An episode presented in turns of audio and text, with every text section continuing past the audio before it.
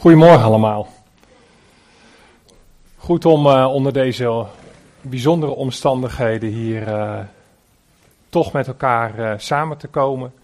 En ehm, ja, in gebed tot met elkaar te gaan, naar muziek te luisteren en ook om samen de Bijbel te openen.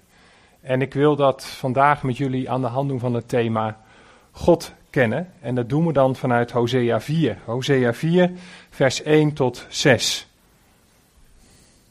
Hosea 4 en dan lezen we vers 1 tot 6. En daar staat dan: Hoor het woord van de Heere Israëlieten. Want de Heere heeft een rechtszaak met de inwoners van dit land. Omdat er geen trouw, geen goede tierenheid en geen kennis van God in het land is. Vloeken, liegen, moorden, stelen en overspel plegen zijn wijdverbreid. Bloedbad volgt op bloedbad. Daarom treurt het land. En ieder die erin woont verkommert. Met de dieren van het veld en de vogels in de lucht. Zelfs de vissen in de zee worden weggenomen. Maar laat niemand een rechtszaak voeren. Laat niemand een ander ter verantwoording roepen. Want uw volk is als zij die een priester aanklagen. Daarom zult u overdag struikelen. Zelfs de profeet zal s'nachts met u struikelen. En ik zal uw moeder uitroeien. Mijn volk is uitgeroeid, omdat het zonder kennis is. Omdat u de kennis verworpen hebt, heb ik u verworpen om als priester voor mij te dienen. Omdat u de wet van uw God hebt vergeten, zal ik ook uw kinderen vergeten. Nou, dit is een hele heftige aanklacht aan het adres van het uh, tienstammenrijk dat in grote goddeloosheid is gevallen. En Hosea moet aan hem profiteren. En tegelijkertijd moet hij in zijn leven ook uitbeelden um, hoe het volk Israël zich gedraagt.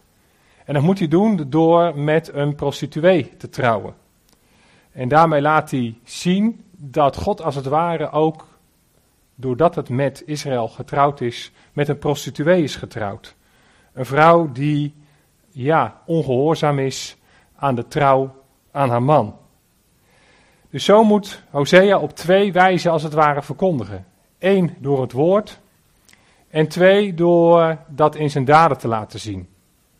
En dan wordt Israël zo als het ware te kennen gegeven van waar zij staan ten opzichte van de Heer, ten opzichte van God. En als we het dan hebben over het kennen van God, dan zien we daar eigenlijk al iets in van, van hoe dat kennen werkt. Enerzijds is dat door het horen of het lezen van Gods woord. In ons geval is dat de Bijbel. Aan de andere kant kan je het soms ook zien in de dingen om je heen. En dat was dan in het geval van Hosea, dat hij de ontrouw van Israël uitbeelde door met een prostituee te trouwen en daarmee om te gaan. En als je dan naar de reden van Hosea luistert in Hosea 4, dan zie je eigenlijk ook wel wat de oorzaak is van het ongeloof en de ongehoorzaamheid van Israël, van de tien stammen. We vinden dan eerst in vers 1 terug het volgende. Omdat er geen trouw geen goede tierenheid, geen goedheid en geen kennis van God in het land is. Daarom voert de Heer een rechtszaak met het volk. En als we dan naar vers 6 gaan, dan staat daar: Mijn volk is uitgeroeid. Eigenlijk wordt daar letterlijk mee bedoeld afgesneden of aan de kant gezet, opgehouden te bestaan, omdat het zonder kennis is. Omdat u de kennis verworpen hebt heb ik u verworpen om als priester voor mij te dienen. Hier vinden we dat afsnijden, dat opgehouden te bestaan. Israël is niet meer Gods priestervolk. En dan gaat het nog verder in vers 6. Omdat u de wet van uw God hebt vergeten, zal ik ook uw kinderen vergeten. Waar we daarin we dan ook weer feitelijk een, een uitleg vinden van het afgesneden zijn van God. Dat is dus door gebrek aan kennis. En ik weet in mijn jonge jaren, toen ik nog net met Bijbelstudie begon, en ik hoorde nu ook nog wel eens mensen zeggen: van ja, we hebben Bijbelkennis nodig, omdat we het contact anders met God verliezen. En ik denk dat dat voor een deel waar is. En laat ik vooropstellen, het doen van Bijbelstudie, het lezen van de Bijbel, is heel belangrijk voor het onderhouden van ons geloof. Het is ook heel belangrijk om het contact met God te hebben. Maar het is de vraag of dat hier op deze manier bedoeld wordt. Ik merkte net al iets op over de manier waarop Hosea getuigde, namelijk enerzijds door te profiteren, maar anderzijds ook door iets uit te beelden. Daarin zit al iets van die boodschap wat dat kennen inhoudt. En wij vatten heel vaak dat kennen op als een letterlijk kennen. Heel veel weten over God. Heel veel kennis hebben over de Bijbel. Heel veel lezen in de Bijbel. En vaak, ja, bedenken we daarbij dan ook allerlei ideeën en misschien zelfs ook allerlei theologieën of uitlegkundige modellen, waarin we alles proberen te stoppen en waarin we alles proberen vorm te geven. En soms is dat nuttig en soms is dat wat minder nuttig.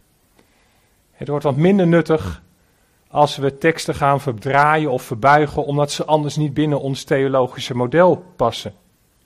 Of om, als we mensen af gaan wijzen omdat ze niet in onze theologie geloven. Niet onze opvattingen delen. natuurlijk moet er een fundament zijn, dat, ben ik met, hè, dat zijn we denk ik allemaal wel met elkaar eens. Dat we geloven dat de Heer Jezus Christus als Zoon van God naar deze aarde kwam, dat hij opgestaan is uit de dood, nadat hij uh, is gestorven voor onze zonden en dat hij nu heen gegaan is naar de hemel om plaats te bereiden. Dat is toch het fundament wat we nodig hebben. Maar je kunt soms ook doorslaan. Doorslaan in de theorie. En ik heb het zelf in het verleden ook al gedaan, dat durf ik hier gerust te zeggen. wat je dan krijgt is hete hoofden, koude harten. Je krijgt heel veel discussie, maar soms ook verwijdering van elkaar. En uiteindelijk ook verwijdering ten opzichte van God. Als we nou eens gaan kijken van hoe vanuit het Joodse denken, vanuit de Bijbel, naar kennis gekeken wordt, dan is dat kennis hebben van God eigenlijk zoveel als leven in relatie met Hem. Je leest niet alleen over Hem, je gaat ook tot Hem. In dat lezen over God nader je tot Hem en ga je naar Hem toe en leg je het contact met Hem. Het is zowel tegelijkertijd kennis opdoen uit het woord, als dat je je toe aanzet om naar God te gaan en een relatie met Hem te hebben.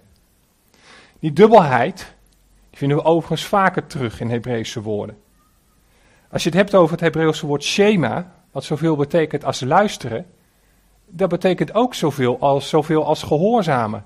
Luisteren is in de Bijbel niet alleen het horen in je hoofd opslaan, maar daar ook naar leven. En wat te denken van de naam van jullie gemeente, Dabar. Dat is niet alleen woord, maar dat is uiteindelijk ook het doen. Het praktiseren in het dagelijks leven. Nou, ik hoorde daar vanochtend al mooie voorbeelden van. als daar zorg is voor mensen die het lastig vinden om in te loggen, maar ook zorg voor mensen die zich eenzaam voelen, ja, dan breng je dat woord in de praktijk. Dan zit je hier niet alleen op zondagochtend te luisteren voor jezelf, maar dan draag je dat ook uit. Dan laat je dat ook in je handelen zien. Het woord dat hier voor kennis gebruikt wordt in het Hebreeuws, da'at, dat betekent eigenlijk ook dan zoveel als niet zozeer alleen kennis, maar ook omgang hebben met God. Sommigen gaan zelfs zo ver dat ze zeggen van ja, het gaat hier om toewijding. Maar je zou je ook kunnen zeggen, en dan kiezen we misschien wat meer de middenweg. Zo gaat het met Hebreeuwse woorden, vallen vaak moeilijk te duiden. Dat je hier zou kunnen zeggen van ja, het is vertrouwd zijn met God. Dat vond ik eigenlijk ook in de context van Hosea ook wel heel erg mooi, waarin je ziet dat Gods volk, dat het tienstammenrijk, God ontrouw is. Je zou kunnen zeggen, ze waren niet meer vertrouwd met God. En dat woord vertrouwd, dat zie je ook heel mooi gebruikt dan in de nieuwe Bijbelvertaling.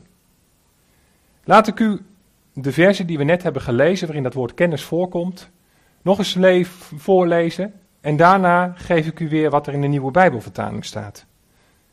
Allereerst Hosea 4 en dan het eerste vers en de laatste regel. Er staat in de herziene statenvertaling en geen kennis van God in het land is.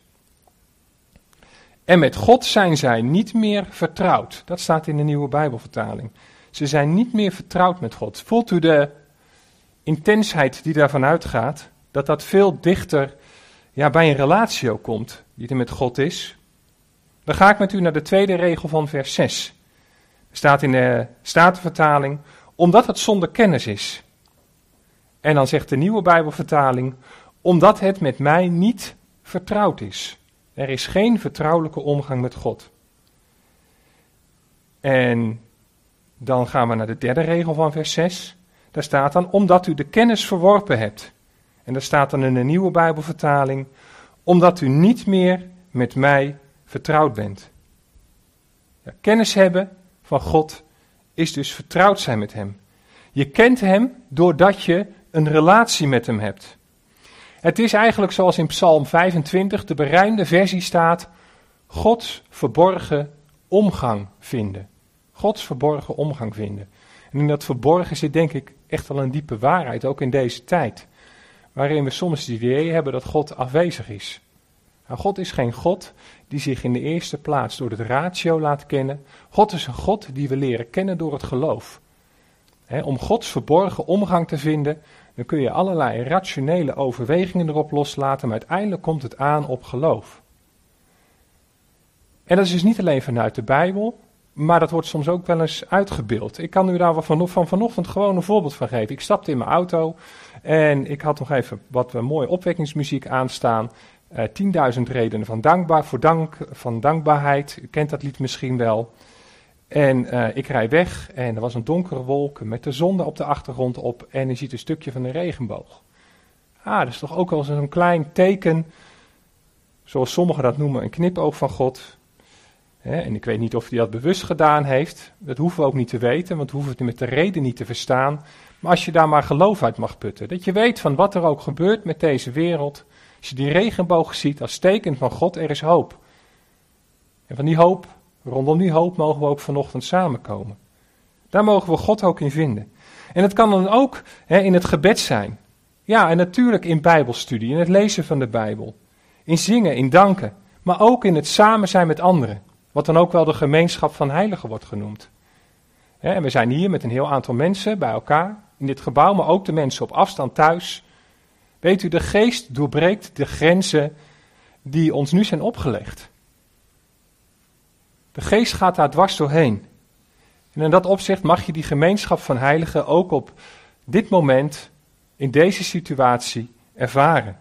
Zo werkt het kennen van God, zo werkt het vertrouwd zijn met God.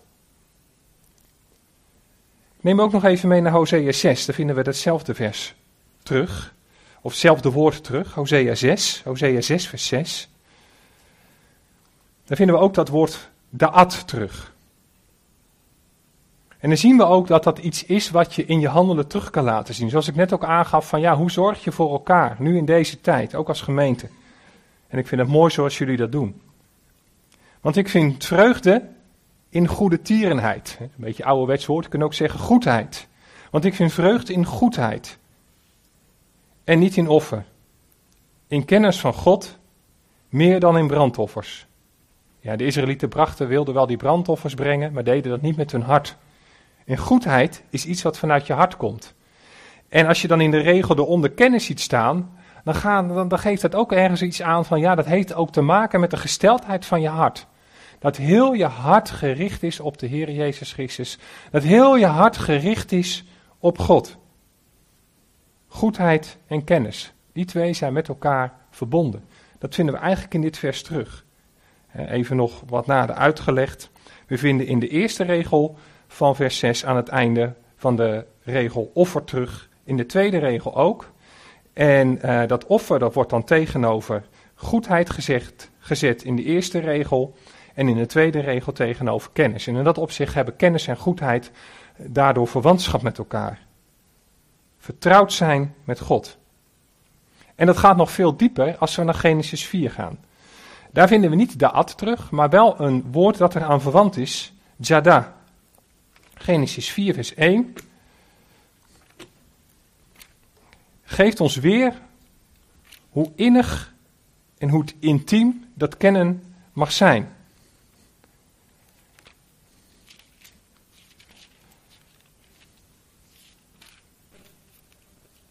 Genesis 4, vers 1. En dan lees ik alleen maar de eerste vier woorden. 6. En Adam had gemeenschap met Eva. Adam had gemeenschap met Eva. Voor gemeenschap staat in het Hebreeuws jada. Dat is dan verwant aan da'at. En eigenlijk zou je zeggen, Adam had kennis aan, met Eva. Ja, dit woord, gemeenschap, geeft aan hoe intiem dat is. Wij mogen in zekere zin ook gemeenschap met God hebben. Kennis hebben aan God. Een hele intieme omgang hebben met God. Of zoals ik al eerder zei vanuit Psalm 25, Gods verborgen omgang vinden. Het aardige is, als je even een paar versen teruggaat, dan ga je naar hoofdstuk 3, dan vind je dat woord jada, kennis, ook terug. Alleen dan zie je het echt daadwerkelijk ook als kennis beschreven. Leest u maar mee in vers 22 van Genesis 3. Toen zei de Heere God, zie de mens is geworden als een van ons, omdat hij goed en kwaad kent. Je zou kunnen zeggen, hij is vertrouwd met goed en kwaad. En in dit opzicht is dat niet zo heel erg positief. Vertrouwd zijn. En toen ik zo bezig was met de voorbereiding van, dit, van deze, deze uh, spreekbeurt, moest ik ook denken aan wat aan, in Spreuken 3 vers 6 staat. Kijkt u maar eens met me mee, Spreuken 3 vers 6. Dan zie je dat dat kennen niet alleen iets is wat je in je bijbelstudie, uh, met, tijdens je bijbelstudie doet, of op je studeerkamer, of op de zondagochtend, of, sa of s avonds na het eten als er een stukje bijbel gelezen wordt. Maar dat het iets is wat zich over je hele leven uitstrekt. Waarin God van zegt van ja, neem dat in je hele leven mee. En laten we eerlijk zijn, de ene keer lukt dat beter dan de andere keer. En wat lezen we dan in Spreuken 3, vers 6? Ken hem in al je wegen. Ook hier staat dan weer Jada.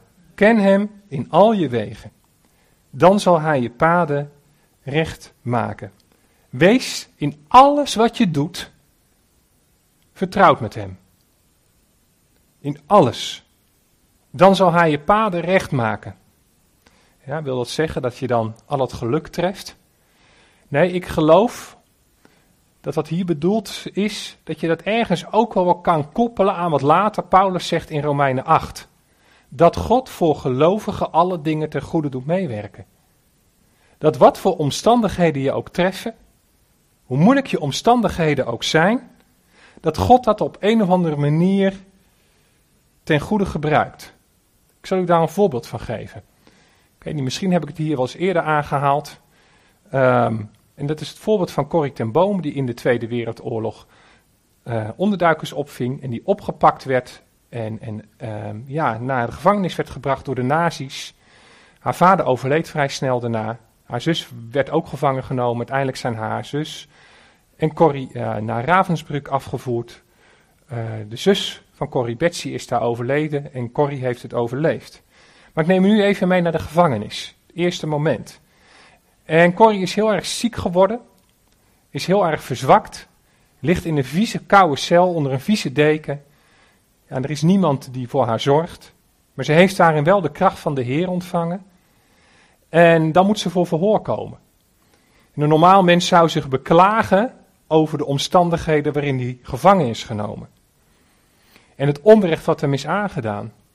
Maar dat doet Corrie niet. Wat zij doet, is dat ze goed kijkt naar degene die tegenover haar staat, die nazi-officier, en daar blijkbaar toch iets van sympathie voor heeft, liefde voor voelt. En ze ziet bij die man een leegheid en een donkerheid. En dat spreekt ze naar hem uit en die man die geeft dat ook wel ergens toe. En dan vertelt ze over de Heer Jezus Christus. We weten uiteindelijk niet of die man de Heer Jezus Christus heeft aangenomen. Maar Corrie zei wel tegen haar van ja, hem, van joh, ik zie die leegheid en er is er maar één die dat op kan lossen. Nou, dat is hoe God de dingen ten goede meewerkt. Laat werken voor gelovigen. Corrie moest daarna gewoon nog naar de gevangenis en kwam in Ravensbrück terecht. Maar ze kon wel iets van Gods liefde uitdragen. Ja, dat is ook God kennen. Zo diep gaat dat. Vertrouwelijke omgang met Hem hebben. En wie het boekje van Corrie ten Boom leest, het is de moeite waard om dat eens te doen. Die ziet dat zij in die diepste ellende van de gevangenschap, in die diepste onzekerheid, zo'n enorme vertrouwelijke omgang met God heeft. Ik moest daarbij denken aan wat in opwekking 518 staat. Heer, u bent altijd bij mij. U legt uw handen op mij. En u bent voor mij en naast mij en om mij heen. Elke dag. Ja, dat ervaren we natuurlijk niet altijd zo. En het feit is dat als wij het niet ervaren, wil nog niet zeggen dat het niet zo is. Als wij Gods aanwezigheid soms niet ervaren in ons leven, dan wil dat niet zeggen dat God er niet is. In feite is God op het moment dat we geloven er altijd, want ons kleine geloof mag inhaken op dat volkomen geloof van Jezus Christus. Als we God niet ervaren, maar we geloven wel in Hem, is Hij wel aanwezig in het geloof. Het is niet altijd makkelijk voor ons. Dat kennen en dat vertrouwd zijn met God is niet altijd iets wat ons gemakkelijk afgaat. Iedere dag hè, uh, moet je je toch weer gaan bedenken van, ja, ik heb weer op bepaalde momenten gefaald. In de kerk waar ik van vroeger vandaan kwam, noemden ze dat je dagelijkse bekering. En dat betekent niet dat je God kwijtraakt onderweg. Nee, je hebt, houdt God nog wel, wel vast. Maar dat die, die dagelijkse bekering, die heb je nodig om weer te gaan staan in de positie die God je heeft gegeven. Ja, je bent de hele dag door een kind van God en God gaat de hele dag door met je mee. Maar jij draait je soms van God af, omdat je met andere dingen bezig bent, omdat je je eigen plezier achterna gaat. En iedere keer heb je het dan eigenlijk wel weer nodig om terug te gaan naar God. Om te zeggen van ja Heer, ook vandaag weer heeft u mij uw genade gegeven, maar ik ging soms mijn eigen weg. Toen ik er zo over nadacht, over dat weglopen wat wij soms doen van God vandaan. En dan had ik gelijk ook het beeld voor van ja, vertrouwd zijn met God. Het kennen van God is ook wandelen met God. En soms gaan wij dan ineens een andere weg in, omdat die ons beter lijkt. Of omdat het weg die God ons wil opleiden soms door een duister dal gaat en daar hebben we geen zin in. En dan rennen we weg van God. Moest ik denken aan mijn jongste dochter. Inmiddels is ze 15.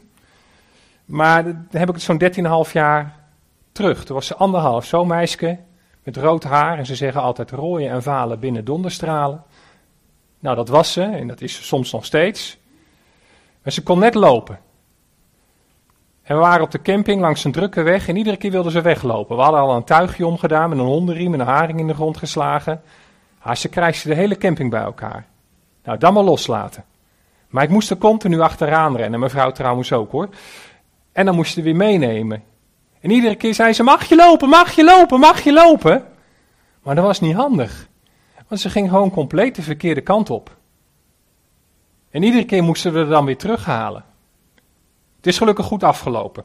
Ze heeft nu een vriendengroep en daar is ze vaak mee weg. En ze heeft wel geleerd van, als het wat later wordt, app ik even naar huis en vraag ik, mag ik wat later thuiskomen?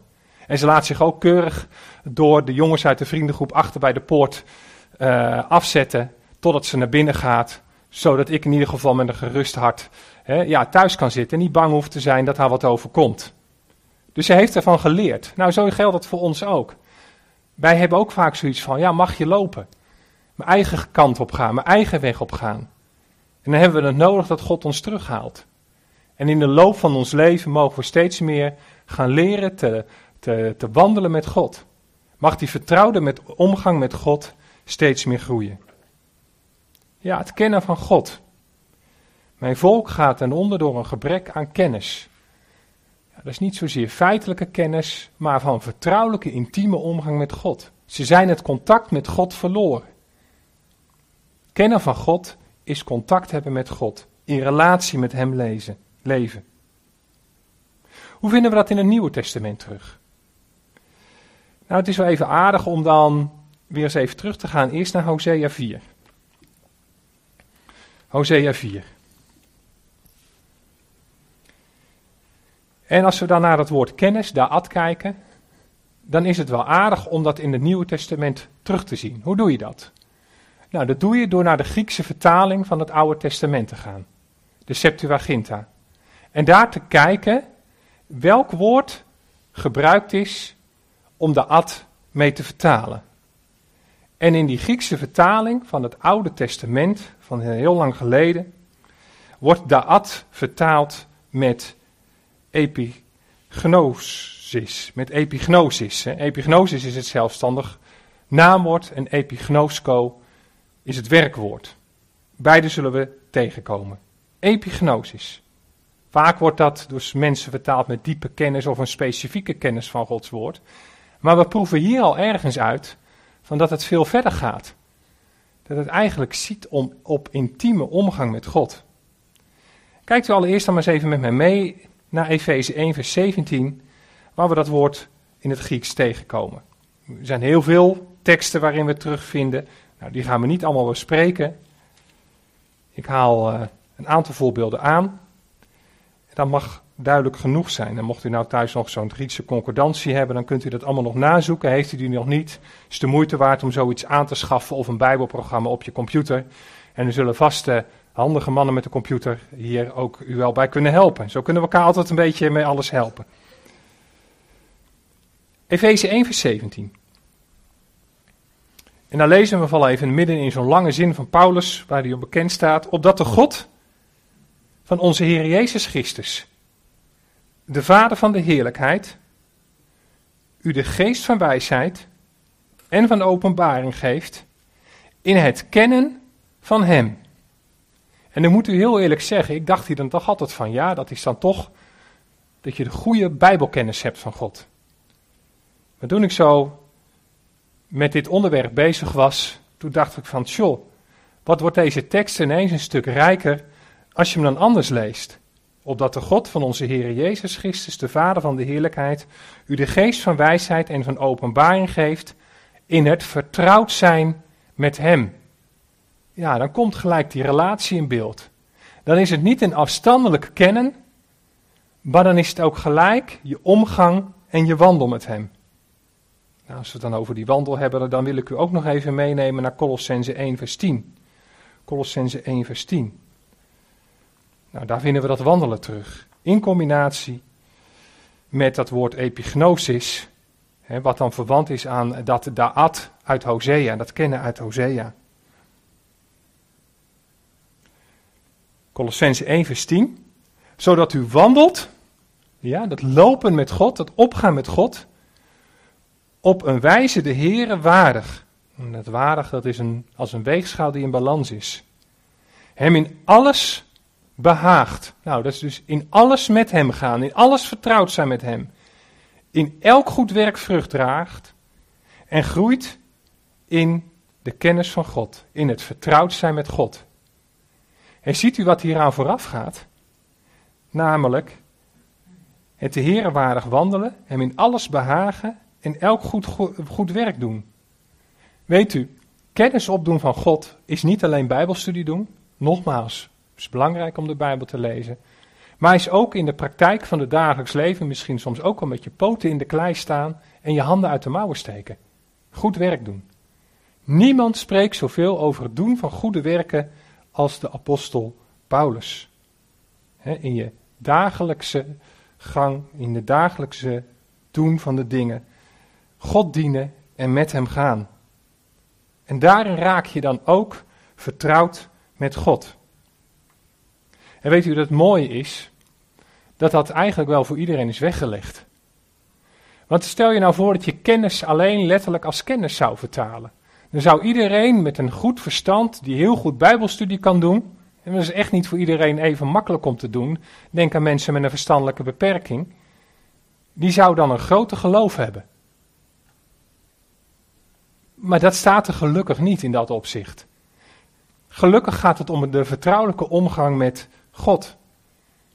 Ik ben al menig mens tegengekomen, gelovige tegengekomen, die verstandelijk beperkt was, maar die een geloof had wat jaloersmakend was.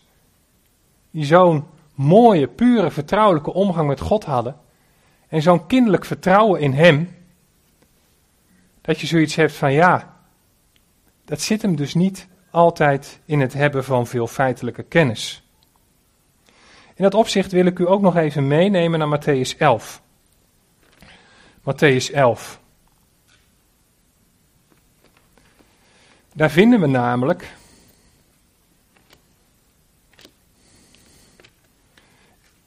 in ieder geval aangegeven dat het geloof juist voor hen is die niet altijd alleen maar op de reden afgaan, maar die in kinderlijk vertrouwen de Heer Jezus Christus en God als Hemelse Vader aannemen. Matthäus 11, vanaf vers 25. In die tijd antwoordde Jezus en zei: Ik dank u, Vader, Heere van de hemel en van de aarde, dat u deze dingen voor wijze en verstandig verborgen hebt. Ja, voor mensen die het alleen in de reden zoeken. En ze aan jonge kinderen hebt geopenbaard. En mensen die in eenvoud geloven. Die gewoon zeggen van ja, Heer Jezus Christus, ik geloof in u. Zoals je dat soms vaak ook bij jonge kinderen ziet. En dat is een kinderlijk geloof. Dat is niet een naïef geloof, maar dat is gewoon een oprecht vertrouwen in God. Ja, vader, want zo was het u welbehagen. En dan gaan we toch nog even verder, want dan gaan we dat woord epigno, epignosco ook nog tegenkomen. Alle dingen zijn mij overgegeven door mijn vader. En niemand kent de zoon, daar staat een epignosco, dan de vader. En niemand kent de vader dan de zoon. En hij aan wie de zoon het wil openbaren. En dan wordt er nog vervolgd: Kom naar mij toe, alle die vermoeid en belast bent. En ik zal u rust geven, neem mijn juk op u en leer van mij dat ik zachtmoedig ben en nederig van hart. En u zult rust vinden voor uw ziel, want mijn juk is zacht en mijn last is licht. Dan gaat het nog even om dat 27e vers. Waar dan staat dat niemand de Vader kent dan de Zoon en omgekeerd, maar dat wij de Vader mogen kennen door de Zoon. En dat is ook wel mooi. We mogen die vertrouwelijke omgang met God hebben door de Zoon, door de Heer Jezus Christus. En dan vinden we hier uiteindelijk ook de basis terug van ons geloof. Maar die Vader en die Zoon zijn één. Dus dat kennen, dat vertrouwd zijn van die, tussen die Vader en die Zoon, dat kun je dus ook verwoorden als dat je een eenheid vormt. En als je als gelovige in de Heer Jezus Christus gelooft en door Hem omgang hebt met de Hemelse Vader, dan word je ook als het ware één met de Hemelse Vader en met de Heer Jezus Christus. Of zoals later in de Colossense staat, uw leven is met Christus verborgen in God. Dat is vertrouwelijke omgang. En dat is dan weer iets, en dat is bijna het cirkeltje weer rond, wat je in Psalm 25 ziet staan. Gods verborgen omgang vinden. Ik wil u toch nog even een voorbeeld van iemand geven die um, niet zo heel veel Bijbelkennis had. Ik ben bezig met het schrijven over een boek, Omgaan met tegenslag. En het boek is een concept af, hopelijk komt het half januari uit. De ondertitel heeft het ook God ontmoeten in pijn, lijden en verdriet. Is mijn overtuiging dat we juist in een moeilijke moment in ons leven, misschien ook wel juist in deze coronacrisis, dat we ons geloof kunnen verdiepen. Um, dat we God op een andere manier kunnen leren kennen. Ik heb het zelf ook wel zo ervaren. Ik hoor het ook van mensen om mij heen. Maar even naar mij. In, in het boek heb ik een aantal voorbeelden opgenomen. 15, 16 verhalen van mensen die met tegenslag te maken hebben gehad. En die daarin uiteindelijk toch iets, het contact met God hebben gevonden of gehouden. Hoe broos en hoe moeilijk dat soms ook is. Een van die verhalen is van de moeder van een vriend van mij. Ik ken haar al 30 jaar. Haar man is paranoïde schizofreen en depressief, maar ze is nooit bij hem vandaan gegaan. Al die jaren is ze bij hem gebleven, ondanks dat het heel moeilijk was om met hem samen te leven. Ondanks dat hij haar wantrouwde, ondanks dat zij 30 jaar zijn mantelzorger is geweest. Tot overmaat van ramp kreeg hij zeven jaar geleden ook nog ALS. Ze heeft hem tot aan deze zomer thuis nog verpleegd. En toen zei de buurtzorg, de thuiszorg, zei van ja, nu kan het niet meer, wij kunnen niet die zorg niet meer bieden. En zij kon het ook niet in de eentje. Dus zij gaf het niet zozeer op, maar ja, de thuiszorg zei nu kan het niet meer. En moest ze uiteindelijk naar een verpleeghuis. Ze zei ja, ik heb nooit zo'n tijd gehad met de Bijbel bezig te zijn. En ze zei ook tegen mij, joh, je hebt niks in mijn verhaal, kom er niet langs, want ik ben niet theologisch onderlegd. Ik zei, hij komt toch. Oké, okay, dus goed, kom dan maar langs. Dan, dan, dan, zien we wel of je wat aan mijn verhaal hebt. En toen ik naar haar verhaal luisterde, ontdekte ik daar dingen in waarvan ik dacht van, jongen jongen, één, twee jaar geleden heb ik die pas ontdekt door heel veel bijbelstudie te doen. En jij hebt al die bijbelstudie niet gedaan, maar op een of andere manier heb je ze juist in je handelen, juist in het zorgen van je man, heeft God ze toch kenbaar aan jou gemaakt. Nou, dat is dat kennen met God, dat vertrouwd zijn met God. En zij schrijft dan in haar verhaal het volgende. Ik ga niet het hele verhaal lezen, maar een stukje daaruit. De rest van het verhaal kunt u in het boek lezen als dat uitkomt, als u dat tenminste dan koopt. Maar van harte aanbevolen, met name op basis van de verhalen die erin geschreven staan. En zij schrijft dan: Voor mij heeft onze trouwbelofte altijd zwaar gewogen. Ik zou zowel God, mijn man, als mijzelf tekort gedaan hebben als ik deze had gebroken. Je bent er voor elkaar in goede dagen, maar ook in slechte dagen. Zo zie ik het. Als ik voor mijn eigen geluk was gegaan, dan had ik dat gebouwd op mijn man zijn ongeluk. En dat zou ik echt niet willen. En dan komt het. Is iets wat in deze tijd vreemd is. Dan zegt ze: Het goede doen is voor mij belangrijker dan naar geluk streven. Geluk is ook geen recht. Het is iets wat je van God krijgt. En zij geeft nou exact ook aan wat de Bijbel ook leert. Namelijk dat God ons hier niet heeft gesteld in de eerste plaats om gelukkig te worden, maar dat God ons heeft gesteld om vanuit de genade die Hij ons heeft gegeven goed te doen. Die genade aan anderen uit te dragen. Nou, aan het einde van het verhaal zegt ze nog: Ik leef in het hier en nu, in vertrouwen op God. Hoe het nu verder met mijn man, kinderen, kleinkinderen mij gaat, weet ik niet. Eén ding weet ik zeker. Het komt altijd goed omdat God erbij is. Moet u horen wat ze zeggen. Haar man is paranoïde schizofreen met depressieve kenmerken en heeft ALS. En dan zegt ze aan het eind: Het komt altijd goed omdat God erbij is. Nou, dat is geloven. Dat is vertrouwelijke omgang met God hebben. Ja, hoe ontmoeten we God? Hoe leren we God kennen? We gaan langzamerhand afsluiten. En dat kan in het gebed, het kan in het Bijbellezen, in het zingen, met het anderen over hem praten. Ook door ervaring in ons leven. Van dit verhaal heb ik ook weer wat geleerd. Van al die verhalen die in het boek staan, wat ik mocht schrijven, heb ik weer zoveel geleerd. Maar soms is het ook, kun je God ook gewoon in moeten ontmoeten in het er zijn voor anderen.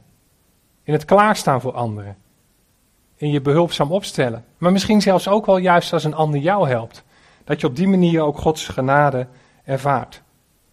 Ja, laten we vooropstellen, een en ander blijft een mysterie. Het blijft Gods verborgen omgang vinden. ons leven is, zoals we ook net zeiden, immers verborgen met God, in God, door Jezus Christus. En in diezelfde tekst staat er van, ja, zoek de dingen die boven staan zijn, bedenk de dingen die boven zijn.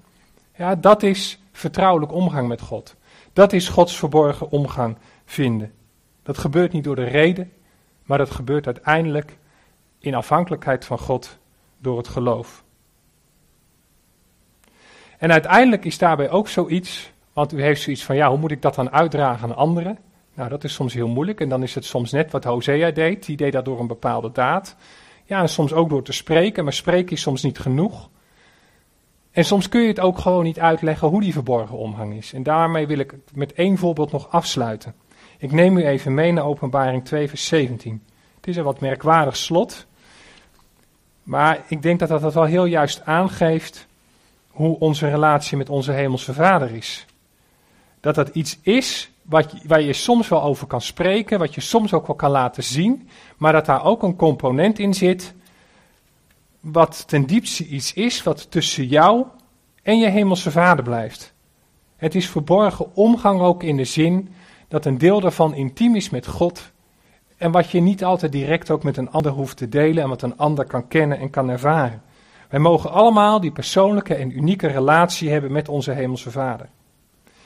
En dat wordt mooi eigenlijk uitgebeeld in de belofte die gegeven wordt aan de gelovigen uh, die zich in de gemeente te Smyrna bevinden. Nee, uh, Pergamus bevinden. Openbaring 2 vers 17. Wie oren heeft, laat hij horen wat de geest tegen de gemeente zegt. Aan wie overwint, zal ik van het verborgen mannen te eten geven.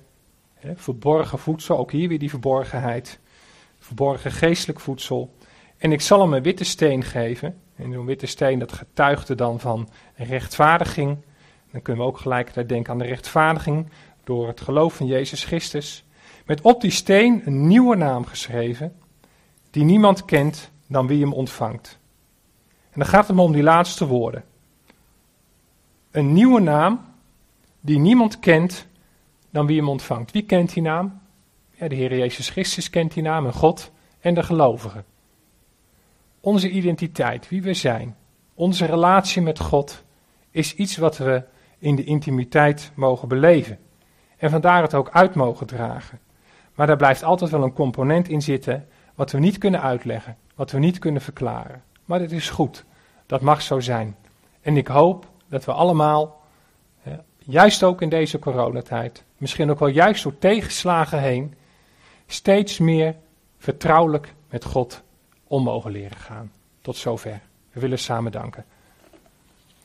Hemelse Vader, dank u wel dat we zo vanochtend bij elkaar mochten komen. Of ook deze dienst vanaf thuis mochten volgen. En dat we zo als gelovigen met elkaar de gemeenschap van heiligen mochten ervaren. Dat we naar muziek mochten luisteren. En muziek is ook een manier waarop we u mogen leren kennen. Het mag het diepste van ons hart, het diepste van ons gevoel raken. Maar ook dat we in gebed tot u mogen komen en dat we uw woord mochten openen.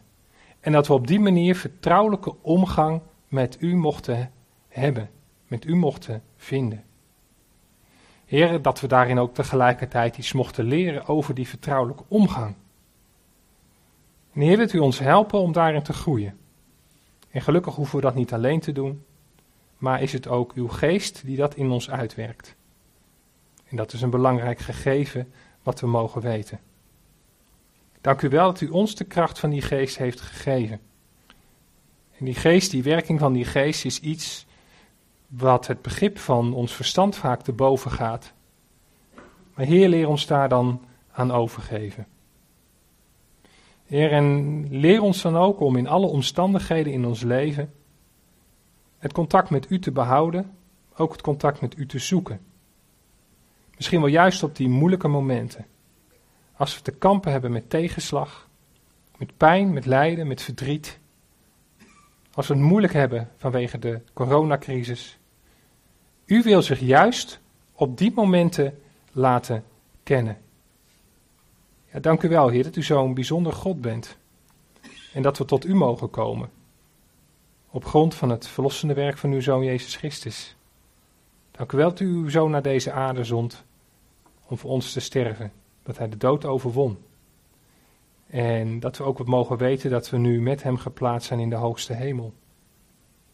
Ja, Heer, en dat omdat uw zoon naar deze aarde kwam en leed als een mens, maar zonder te zondigen, u ook door uw zoon kan begrijpen wat wij moeten doormaken als we het moeilijk hebben.